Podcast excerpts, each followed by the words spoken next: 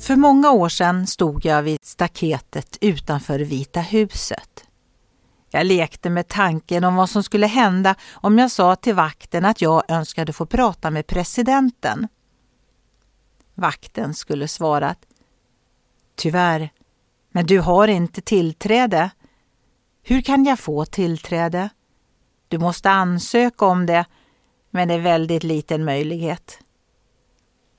Exemplet ger perspektiv på frågan om hur en vanlig människa kan få tillträde till det allra heligaste i universum, till en levande, eviga Gud.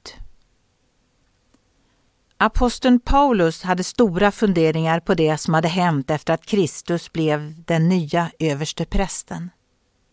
Nu har jag fått det privilegium, säger han, att upplysa alla om hur den hemlighet förvaltas som från evighet har varit dold i Gud, alltings skapare. I honom och genom tro på honom kan vi frimodigt och med tillförsikt träda fram inför Gud.